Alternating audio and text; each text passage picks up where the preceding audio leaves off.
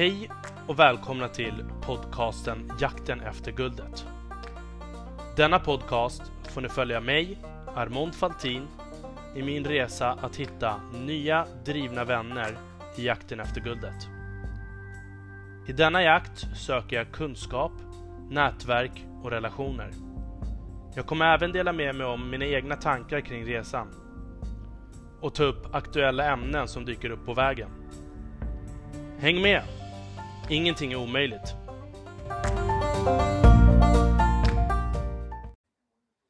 Hej allihopa och välkomna till jakten efter guldet. Jag säger bara wow! Vilken vecka det har varit alltså. Jag berättade ju förra veckan om eh, en delning som jag hade fått på LinkedIn och eh, en hel del massa nya kontakter som har lagt till mig och eh, nya vänner som jag har chattat och skrivit med. Och, oh, wow, alltså jag säger bara vilken omställning det har blivit. Och jag är så himla taggad nu. Jag, jag har fått så himla mycket grejer att göra nu på senare. Så nu har man verkligen fått på en vecka nu, jag har på en vecka så ska jag skriva fem stycken manus. Två manus för mig själv, en för idag. Och sen har jag en intervju imorgon och sen en, eh, ska jag delta i en poddinspelning. Golden Talks med Amo Cartwright och Niklas Strandgård. Det kommer bli riktigt spännande. Uh, dock är man lite nervös för att um, de kommer ju filma. Och jag har inte vant mig med filmningen, så vi får se hur det blir. Men det kommer bli riktigt spännande i alla fall.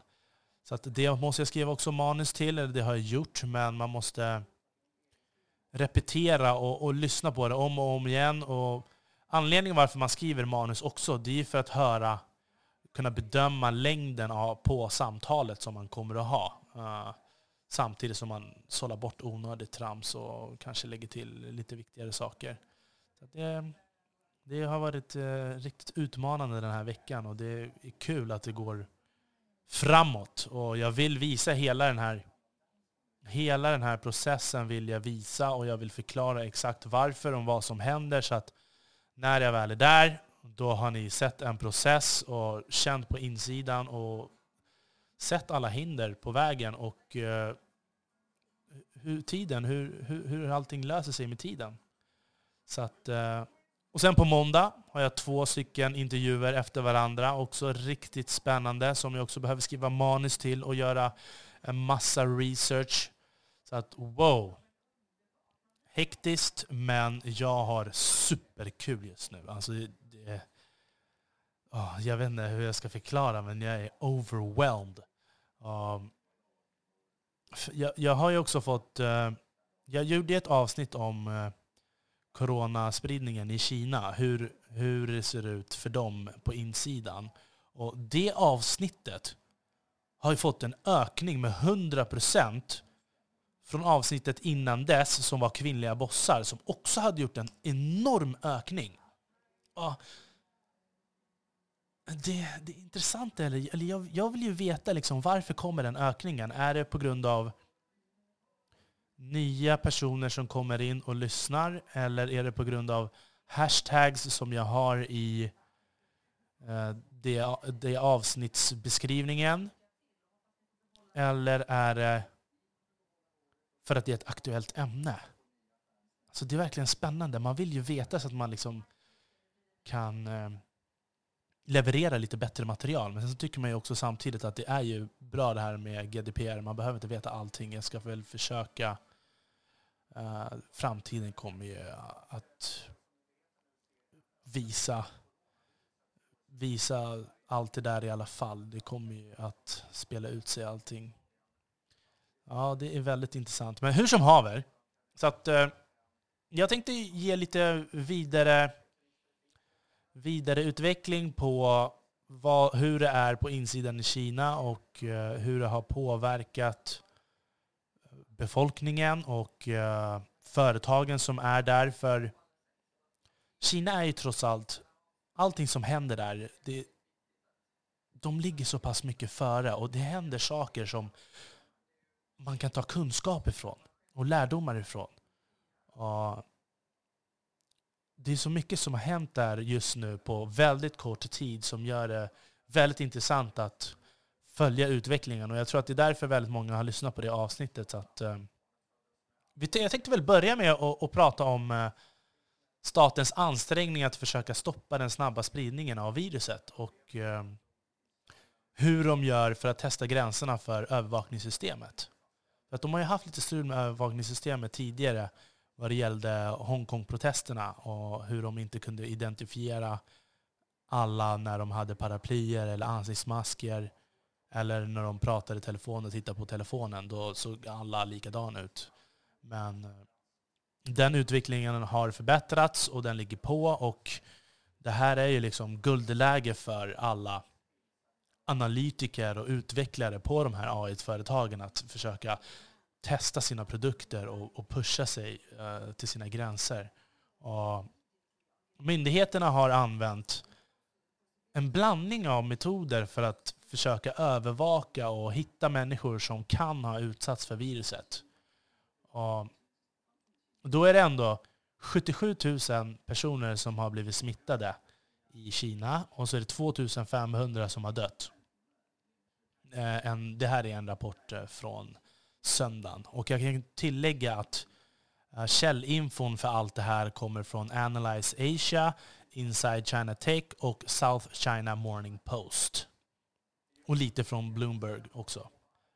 Uh, de tar in data från telefonbolag, uppmanar privata teknikföretag att inrätta så virtuella hälsotelefoner för att kunna spåra alla som har varit i närheten av Hubei-provinsen eller Wuhan, där utbrottet startade.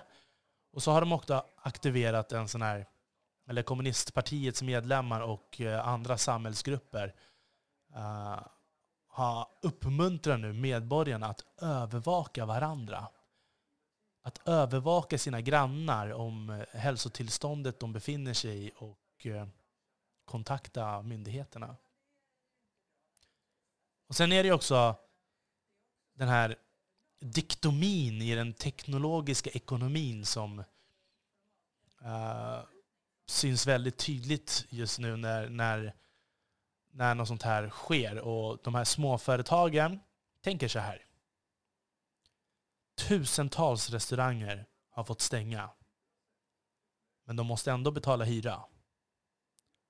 Stora bolag Alltså det, var, det var en bilfirma som har fått betala ut löner till över 10 000 pers fast de inte har varit på jobbet. Samtidigt som de har lagerkostnader och hyror och allt det där. Och vi får verkligen se nu hur det blir om myndigheterna kommer hjälpa rent ekonomiskt för att det kommer bli ett enorm skuldfälla hos människor. Det kan bli helt kaos. Men man får se, Kina verkar vara väldigt snabba på att fånga upp saker och liksom sätta saker till verk. Så det ska bli intressant att följa den här processen. Sen så har vi också stora bolag som Alibaba och eh, Mei Tuan, som har typ de största fotavtrycken i den materiella världen. Och de rustar ju upp för nedfallet som, som håller på att ske här. Medan det finns de här virtuella bolagen som ByteDance och Tencent som eh, driver en kraftig kraft i sociala medier och underhållning, där har det ju gått spikrakt upp. Alibaba och Mutang, de har tappat 28 miljarder dollar i marknadsvärde sedan coronaviruset bröt ut. Och det här är ju för att de är beroende av människor och lastbilar för att liksom färga paket och måltider över hela landet. Och det blir allt mer trassligt att ta sig igenom rikstäckande med, eh, i, i det här transportnätet när det är en hel del eh, utgångsförbud och så vidare. Men eh, WeChat-operatören Tencent eh, som lägger upp virtuella saker såsom spel och reklam i spelen och på nätet, de har fått en ökning på 18 miljarder dollar sen viruset bröt ut. Så att, ja, verkligen. Det är helt sjukt att det är två giganter som står och slåss om hela Kinas marknad medan alla andra typ faller. Uh, sen har vi Foxconn som är världens elektronikproducent. Uh, som också är huvudmontören av iPhones. De har ju haft stängt och uh, nu så erbjuder de alla nyanställningar och alla arbetare att komma tillbaka till jobbet i Chengsu, som är deras huvudmonteringsplats. De som kommer dit i tid kan få upp till 9 700 kronor i bonus totalt om de uppfyller vissa villkor. Och då är bonusarna uppdelade på två olika sätt. Villkoren är att du får 4 150 kronor i bonus efter att du har klockat in 60 dagars arbete. Och sen så får du ytterligare 5 540 kronor efter 90 dagar. Och då ligger snittlönen bland arbetarna mellan 2 700 kronor i månaden till 4 153 kronor i månaden. Så att det är en rejäl och det är en bra bonus. Men vad ska man säga, jättarna har ju råd. Och Apple säger att det här inte påverkar dem särskilt mycket eftersom de har anläggningar utanför Kina såsom till exempel Vietnam, Indien och Mexiko. Men eh, då ska man också tänka på att kobolten kommer ju ifrån Kina. Så att om de inte redan har färdigfraktat kobolten så de har ett bra lager så det räcker eh, och kan hantera de nya påfrestningarna så får man ju se hur det blir. Eh, men man räknar i alla fall med att Apples förlust kan vara Samsungs vinst under den här krisen. Då krisen slår bort 40 procent av smartphones-frakten i Kina. Så det är en hel del. Och eh, sen också till ansiktsigenkänning. Som jag berättade tidigare så ligger pressen på hårt på AI-bolagen att utveckla lösningar, att kunna identifiera människor som har täckta ansikten. Och pressen hade ju legat på hårt tidigare också på grund av Hongkong-protesterna. Och nu säger de att kunna ha utvecklat AI att kunna identifiera människor oavsett om du har mask, fejkskägg, scarves eller hatt. Mm, får vi se hur det blir med det. Sen kommer vi till eh, matbutikerna. Som, eh, det finns en stor marknad som drivs av Sunart. De har, alltså med nästan 80% av deras 486 butiker som har stängts ner så har deras omsättning fortfarande haft stadiga intäkter. Alltså den har inte sjunkit. För att folk har bara vänt om och börjat handla online istället. Och eh, då är det så att om du beställer nu på dagen så får du dina varor imorgon på morgonen. Ungefär, säger de här leveranstiden. Och då ställer de varorna utanför. Så att eh, de kommer aldrig i kontakt med beställarna. Och eh, den digitala handeln har ju alltid funnits där och allting är redan betalt och klart. Så att, ja, det är verkligen eh, coolt att se hur snabbt de ställer om, men ändå hur, hur de var redo på det för att de redan har använt appar till allt i Kina.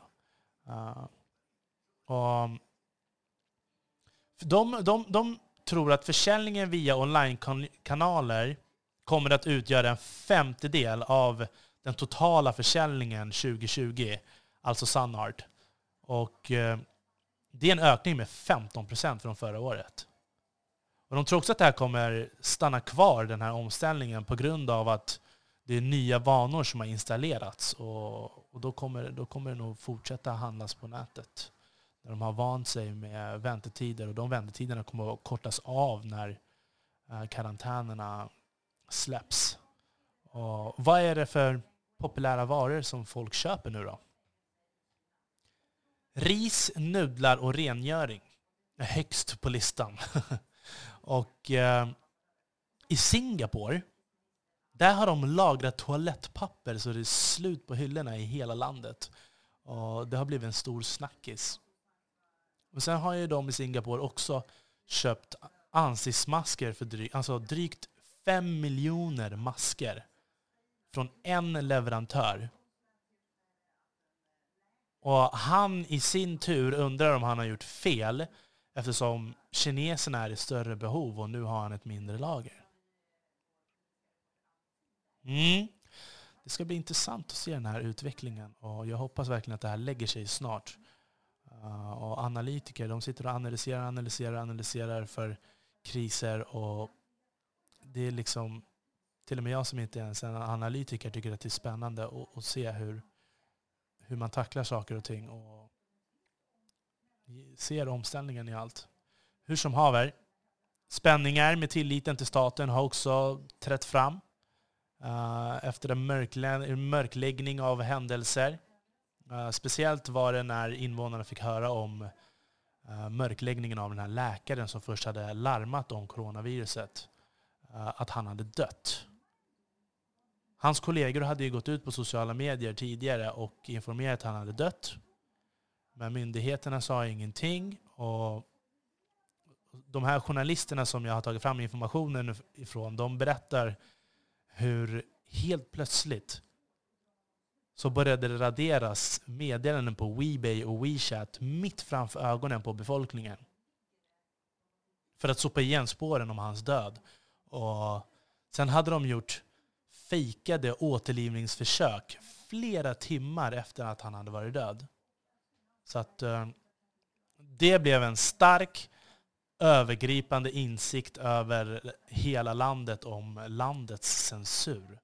Så att eh, vi undrar vad det här kommer ha för påverkan eh, på människors inställning till myndigheterna i framtiden. Och nu när det trots allt har handlat om en så pass allvarlig händelse.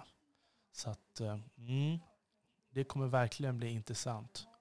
Och jag tror faktiskt att det här får vara allt för idag. Nu måste jag fortsätta skriva manus, öva, träna, lyssna, korta av inför resten av intervjuerna som jag har. Önskar mig lycka till. Okej? Okay? Jakten efter guldet mina vänner. Vi hörs igen nästa vecka med vänliga hälsningar Armon Faltin.